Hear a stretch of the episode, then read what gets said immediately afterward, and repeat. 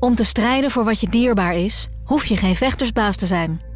Dat kan ook met je kennis van techniek of door iemands leven te redden als verpleegkundige.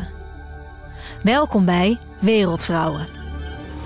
Ik ben Kiki en in deze podcast praat ik met zes vrouwen die hebben gekozen voor een verrassende carrière bij Defensie. We luisteren samen naar een verhaal dat speciaal voor hen is geschreven door steeds weer een bekende Nederlandse schrijver. En daarna praten we door. In deze vierde aflevering is Eline te gast. Eline is werkzaam als chauffeur op een 97. De Combat Vehicle 90 is een panzervoertuig van de landmacht. De 97 kan infanteristen van en naar het front brengen en zelf actief deelnemen aan het gevecht. Hoe ziet zo'n ding eruit? We hebben het over een panzervoertuig. Uh, qua uiterlijk uh, lijkt het op zich wel wat op een tank. Het verschil is alleen dat een uh, tank wat zwaarder is en wat meer bepansering ook heeft. we zijn een stukje lichter, gaan er ook wel wat 70 km per uur, dus een aardig tempo. En er zitten dus zeven mensen achterin die wij eigenlijk gezamenlijk een opdracht kunnen uitvoeren. Eline bestuurt dus die machine. En zometeen gaan we daar alles over horen. Maar we starten met luisteren naar het verhaal dat speciaal voor haar is geschreven door Mano Bouzamour op basis van een gesprek over haar werk. Het heet De Schelpenketting. En als het afgelopen is, ben ik heel benieuwd naar Eline's eerste reactie. Toen ik te horen kreeg dat Eline 21 jaar oud is en al een chauffeur is van een Combat Vehicle 90 panzervoertuig bij de landmacht, was ik meteen onder de indruk. Ik stond op de kazerne naast Eline en haar panzervoertuig. Ze had haar gevechtshelm op. Terwijl ik verwonderd rond het metalen gevaarte liep, vroeg ik: Wat vind je het mooist aan je baan? Mijn geweldige team, antwoordde ze. Er ontstaat echt een heel bijzondere band. We vertrouwen elkaar volledig en weten van elkaar. We hebben elkaars rug. Ik zit in mijn eigen compartiment voorin. De commandant heeft een compartiment bij het bovenluik en de schutter bestuurt het 35 mm kanon en de mitrailleur omdat we onderdeel zijn van de panzerinfanterie, gaan er altijd zo'n zeven soldaten mee in mijn voertuig. Ik kan heel goed met de jongens in mijn team opschieten.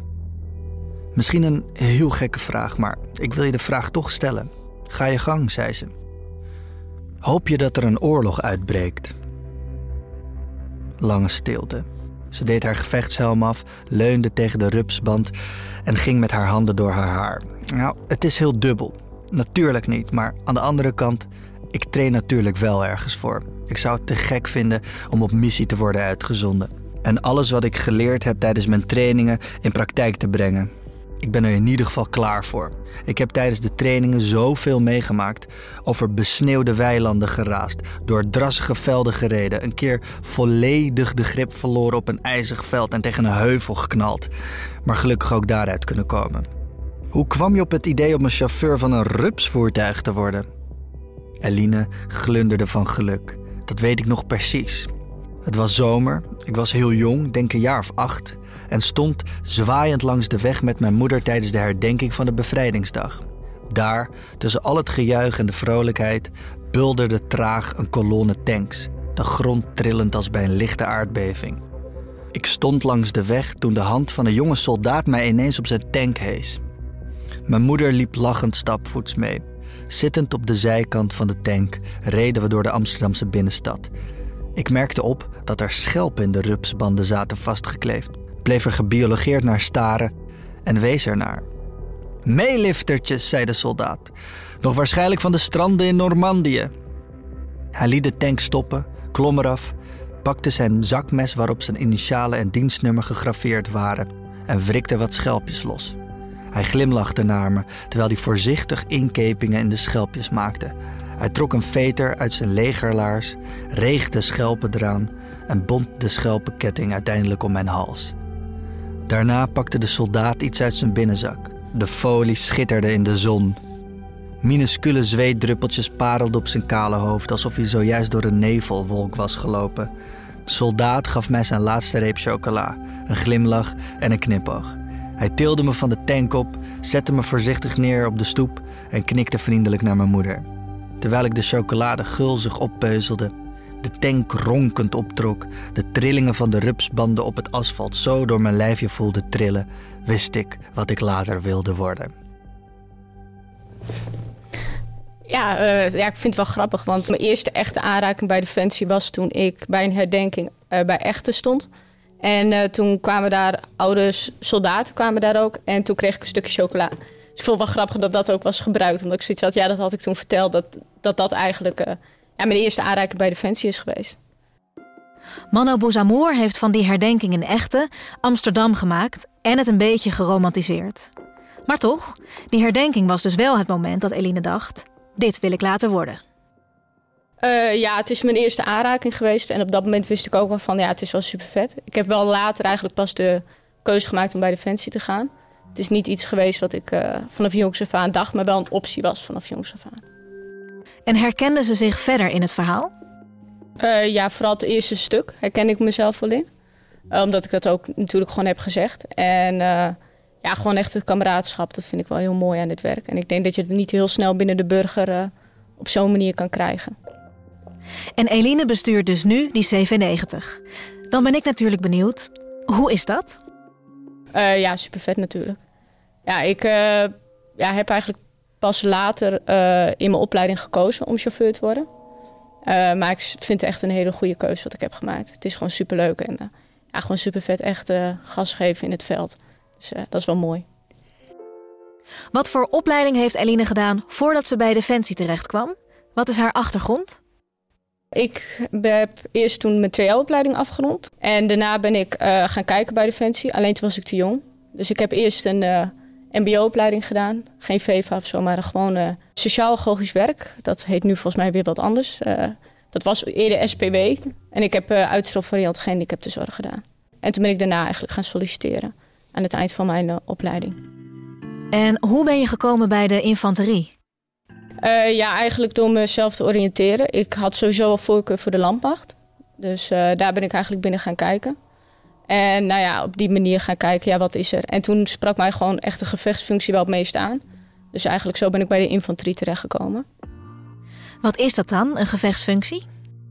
Uh, nou ja, dat betekent eigenlijk, ja, je hebt ondersteunende functies. Die zorgen voor ons eten, voor dat soort dingen. En wij zijn degene die nou ja, het gevecht echt aangaan.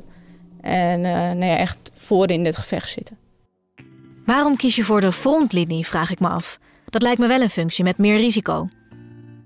Uh, ja, wellicht wel. Ja. Op een uitzending is dat natuurlijk wel meer uh, risico. Maar de functie sprak me gewoon heel erg aan. Omdat uh, ja, gewoon in het veld bezig zijn. nou ja, dat soort dingen vind ik gewoon leuk. Lekker fanatiek en actief bezig zijn. Dus ja, ik heb daar zelf geen probleem mee. Het is denk ik meer de omgeving die dat ook niet erg had gevonden als ik een andere functie had gekozen natuurlijk. Maar nee, ik heb daar zelf geen problemen mee. Eline heeft dus voor ze chauffeur werd de infanteristenopleiding doorlopen. Wat houdt die opleiding precies in? Uh, infanterieopleiding houdt eigenlijk in dat ik hetzelfde ben opgeleid als die jongens die dus bij mij achterin zitten. Uh, nou ja, die moeten natuurlijk veel lopen. Uh, nou ja, best wel afstanden, want die kunnen niet altijd achterin zitten. die moeten ook, nou ja, ook tactisch dus heel veel dingen doen. En ik heb eigenlijk de opleiding om dat te kunnen doen heb ik dus nou ja, gedaan. En dat houdt eigenlijk op meer in dan nou ja, de opleiding. De AMO is echt algemeen. Dat moet elke militair hebben gedaan. En dit is meer ja, vakspecialistisch, uh, nog een opleiding erbovenop. En hoe is het dan om die opleiding te doen? nou ja, wel pittig. Tenminste, ik vond het wel pittig. Ehm, ik, uh, nou, ik woon dus nog thuis. Dus ik heb wel in het weekend was het daadwerkelijk wel mijn voeten behandelen, dat soort dingen. Ik had erg veel last van blaren. Ik ben uiteindelijk wel blij dat ik dat toch heb gedaan. Ook al is het nu niet meer nodig, omdat nu als wij bijvoorbeeld met een tas lopen of wat dan ook, merk ik wel dat ik wel ja, daar wat meer ervaring mee heb. Dat ik daar ook ervaring mee heb. En uh, nou ook op de hindernisbaan, ook met wapen en zo. Dat, ik weet wel hoe het moet. Ik heb het een keer eerder gedaan. In de opleiding met 70 andere infanteristen in Spee startte Eline met twee andere vrouwen. Die vielen af, dus Eline was op een gegeven moment alleen. Hoe was dat? Merkte ze een verschil? Uh, nou, nee. Op, ja, op zich niet echt. Ja, dat je in je eentje op een kamer slaapt. Denk dat dat het grootste verschil is. Want ja, maar ja, aan de andere kant dan ben je gewoon een stuk minder op je kamer. Dan ben je meer op de andere kamer. Maar nu ook, waar ik nu dan nu zit, ben ik ook de enige vrouw. Dus eigenlijk ja, ben ik wel aan gewend om uh, de enige te zijn. En toen kwam de keus om chauffeur te worden.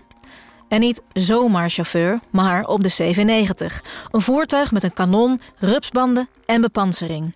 Net een tank. ja, het ziet er een beetje uit als een tank. Als je het zo bekijkt. Het, heeft, uh, het is dus gepanzerd. En het heeft ook tracks in plaats van wielen. Dus uh, een lekke band is niet mogelijk.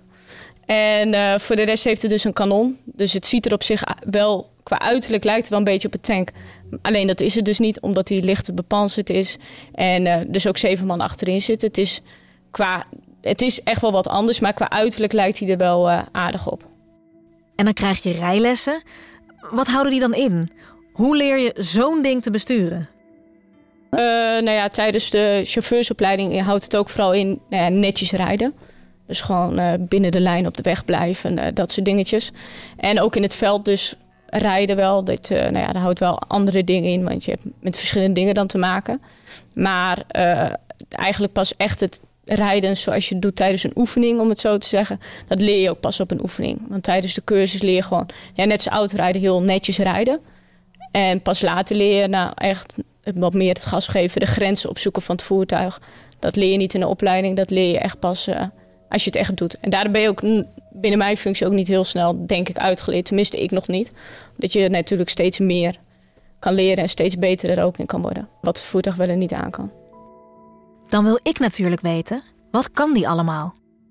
Heel veel verschillende dingen. Uh, ja, wat het kan is uh, nou ja, 70 km per uur vooruit rijden. Dat kan het. Kan ook uh, aardig snel achteruit rijden. Dat is ook wel handig. Je kan in het nacht kan je rijden. Heb je wel beperkt zicht. Vooral vooruit heb je dan beperkt zicht. sowieso heb je wel wat minder zicht. Omdat je, nee, je hebt niet gewoon ramen. Van die periscopen waar je doorheen kijkt. Dus je hebt wat beperkte zicht.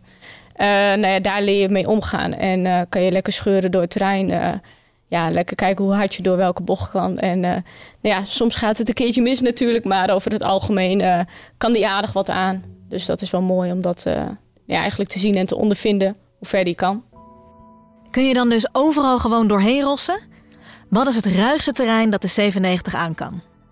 Het ruigste terrein is een beetje lastig, maar als er gewoon een boomstronk over de weg ligt, dat is eigenlijk gewoon geen probleem. Dat, daar kan je gewoon overheen rijden ja, het moet, of moet echt, ik weet niet hoe dik zijn, maar zijn gewoon een, een, tak, een dunne boom, daar kan je allemaal wel overheen rijden. Dat kan je ook wel prima omrijden. Een dikke boom omrijden, dat uh, is wel iets anders. Ja, als het goed is, hoop je die toch wel te zien. Maar ja, het kan wel eens gebeuren dat je wel het bos uh, in moet sturen of wat dan ook. Dan ja, kan het wel eens zijn, ja, je bent aardig breed, dat er een uh, klein boompje een beetje knakt. Nou ja, dat kan nou eenmaal gebeuren, maar dat kan hij wel aan kan best wel veel dingen aan. En uh, hij kan ook best wel stel omhoog. Alleen, ja, er zijn wel grenzen. De infanteristen achterin zien dus niet waar Eline heen rijdt... of welke obstakels er op de weg liggen. Krijgt ze wel eens klachten over haar rijstijl? Uh, het nadeel is ook aan het beperkte zicht dat je niet elke kuil kan zien. Dus ja, als je een keer een goede klappen maakt... Ik zit eigenlijk heel relaxed. Ik heb een soort hangmatstoeltje. Dus ik heb er niet zo heel veel last van... De rest kan er wat meer last van hebben. En dan hoor je dat wel eens over de intercom. Want wij communiceren over elkaar met de intercom. En dan hoor je wel eens van achteren uh, dat, nou ja, dat je door een heuveltje bent gegaan. Dat ze dat hebben gemerkt. Maar ja, dat hoort er nou eenmaal bij. Ik kan niet alles zien. En uh, ik doe mijn best om zoveel mogelijk te zien. Want het voertuig vindt het ook niet altijd natuurlijk even leuk als ik elke, elke kuil meepak. Maar ja, soms dan zie je er eentje over het hoofd. En dan ja, hebben hun er meer last van dan ik. Hoe groot is nou het team op de 97? Ja, we hebben zeven mensen achterin. En dan ben ik dus niet meegerekend als chauffeur. De schutter niet en de commandant niet. Die uh, commandant en schutter die zitten allebei op de toren. En ik ben dus, uh, zit dus voorin. Hoe is het om in zo'n hecht team te werken? En hoe is dan de taakverdeling? Nou ja, de commandant is eigenlijk, om het zo te zeggen, de baas van het voertuig. Die uh, stuurt ons aan. En uh, de schutter, die is dus degene die uh, het kanon aanstuurt. Commandant kan ook schieten als dat uh, nodig is. En ik ben dus degene die, die dus rijdt.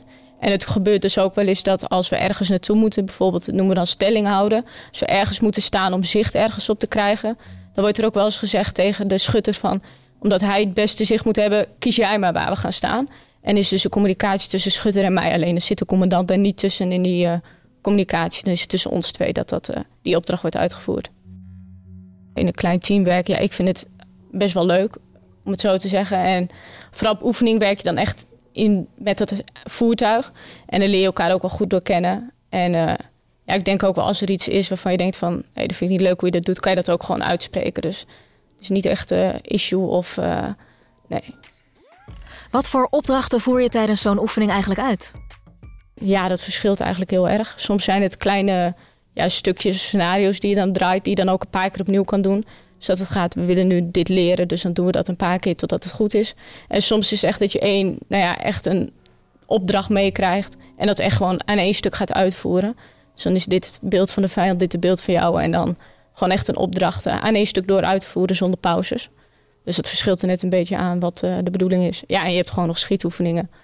Dus dan uh, ga je gewoon een, een schietbaan op met je voertuig en dan ga je schieten. Kelly, die te gast was in de vorige podcast, wilde ook graag wat van Eline weten. Namelijk, wat nou het gaafste is dat ze in haar panzervoertuig heeft meegemaakt. In mijn panzervoertuig? Uh, uh, ja, gaafste. Ik denk dat dat ja, echt het gaafste is misschien niet echt. Ik vind het moeilijk te vergelijken. Maar ik vind sowieso leuke momenten als je een opdracht hebt wat best wel moeilijk lijkt. En dat is bijvoorbeeld toch wel gelukt. Dat je echt uh, door samenwerken echt, nou ja, echt teamwork nodig had om dat uh, te volbrengen. Dat vind ik altijd wel mooi. Kun je daar een voorbeeld van geven? Uh, nou, we waren toen in een oefening in Heunenvels. En dat was best wel een moeilijk terrein. En uh, toen zei mijn commandant, ja, nee, wij nemen dit voertuig gewoon mee... wat van de heuvel was afgegleden. Was een ander voertuig dan wij hadden iets lichter. En ik had echt zoiets van, ja, wij komen er zelf amper op. Dus leuk idee, maar uh, oké. Okay. En nou ja, toch uiteindelijk door... hij had er wel wat meer vertrouwen in. En uiteindelijk is dat dus ook gelukt. En dan is het achteraf toch wel mooi dat dat is gelukt... omdat je zelf meer zoiets had van, gaat het al lukken? En ik had toen nog niet zo heel veel oefeningen ook meegedraaid. Dus dan is het wel mooi om te zien dat je echt wel een bruut voertuig onder je hebt. Dus dat was wel vet. Nou heeft Eline tot nu toe vooral oefeningen gedraaid in Nederland en Duitsland. Maar binnenkort gaat ze voor de eerste keer op uitzending naar Litouwen. Kijkt ze daar naar uit? Ja, ik heb er wel zin in. Ja, tuurlijk. Het is wel ook wel leuk om uh, wel een keer echt wat groots mee te maken. En een grote oefening met verschillende nationaliteiten. We hebben in Heunenvels wel een beetje gehad, maar dit is toch echt wel uh, ja, veel groter. Dus daar heb ik ook wel zin in. En hoe bereid je je daar dan op voor? Logistiek heb je natuurlijk een hele voorbereiding uh, wat er is. Want onze voertuigen moeten er naartoe. En dat soort dingen heb je natuurlijk ook. En voor ons houdt het ook eigenlijk in ja, goed getraind zijn. Want we gaan in grotere groepen optreden. Zorgen dat wij goed getraind zijn zelf. En uh, door verschillende, op verschillende niveaus, dus in kleinere groepen, dan steeds grotere groepen te trainen. Om eigenlijk op die manier uh, daar klaar voor te zijn. Om echt met uh, heel veel andere nationaliteiten ook mee te trainen. Dus ja, dat gaan we eigenlijk nu nog beleven. En in de tussentijd woont Eline gewoon nog thuis bij haar ouders. Hoe vindt ze dat? Ja, ik vind het wel prettig, vooral als ik na een lange oefening terugkom. En ik kom gewoon thuis bij mijn ouders en er staat gewoon lekker eten. Ja, dan hoor je mij niet klagen. Dat vind ik toch ook wel heel prettig om dan gewoon echt gewoon thuis te komen. En wat vinden ze ervan dat je dit werk doet en dat je straks een half jaar naar Litouwen gaat? Uh, nou ja, Litouwen is op zich nog niet zo erg. De dreiging is niet hoog. Maar uh, ja, je bent wel een poosje van uh, huis natuurlijk weg. En ik denk dat dat ook ja, stukje ervaring. Maar ze weten ook wel dat dat natuurlijk gaat gebeuren. Dus net zoals ik me erop voorbereid, kunnen hun zich daar ook uh, prima op voorbereiden. Ze wisten natuurlijk al dat ik dit wou. Dus ze zijn daar ook wel in meegegroeid. En uh, ja, ze hadden natuurlijk ook niet... Als het anders was geweest, hadden ze het ook niet heel erg gevonden. Ik denk niet dat ze het heel erg hadden gevonden... als ik gewoon een baan met mijn uh, mbo-opleiding had, uh, had gaan doen. Maar ja, volgens mij vinden ze het wel prima. Volgens mij zijn ze wel aangewend aan het idee. Ik wil nog één ding graag weten van Eline. Als er nou iemand zit te luisteren die zich in haar herkent, wat zou ze dan willen zeggen over werken bij Defensie? Uh, nou ja, vooral, ik ben op een gegeven moment gewoon gaan solliciteren en gewoon gaan kijken hoe het is. En uh, je hebt sowieso in de opleiding heb je de mogelijkheid om gewoon te zeggen: het is niks voor me. Het is het toch niet. Het is niet wat ik had verwacht. En dan is het ook gewoon goed.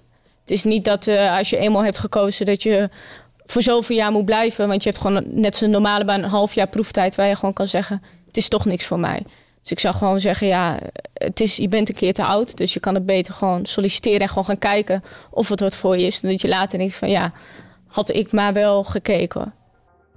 Dus heb je nu de kriebels? Ga dan vooral rondkijken. Goed, dan gaan we nog even vooruitkijken naar de volgende podcast, want dan is Lies te gast. Zij is officier in opleiding bij de Koninklijke Marechaussee. Eline heeft nog een vraag voor haar. Uh, nou ja, ik heb zelf, sinds dat ik bij Defensie zit, is het voor mij uh, moeilijk om nog naar mijn sportclub toe te gaan waar ik eerder zat. Omdat ik, uh, nou ja, ik ben iets te laat klaar met werk en met de reistijd red ik het niet. En ik ben eigenlijk wel benieuwd of zij ook iets heeft moeten uh, nou ja, opgeven of heeft moeten stoppen, omdat zij nou ja, dit nu doet. Heel goede vraag. Daar ben ik ook wel benieuwd naar. Ik dank Eline enorm voor haar komst. En luister jij nou en wil je naar aanleiding van deze podcast meer weten over werken bij Defensie? Kijk dan op werkenbijdefensie.nl/slash vrouw.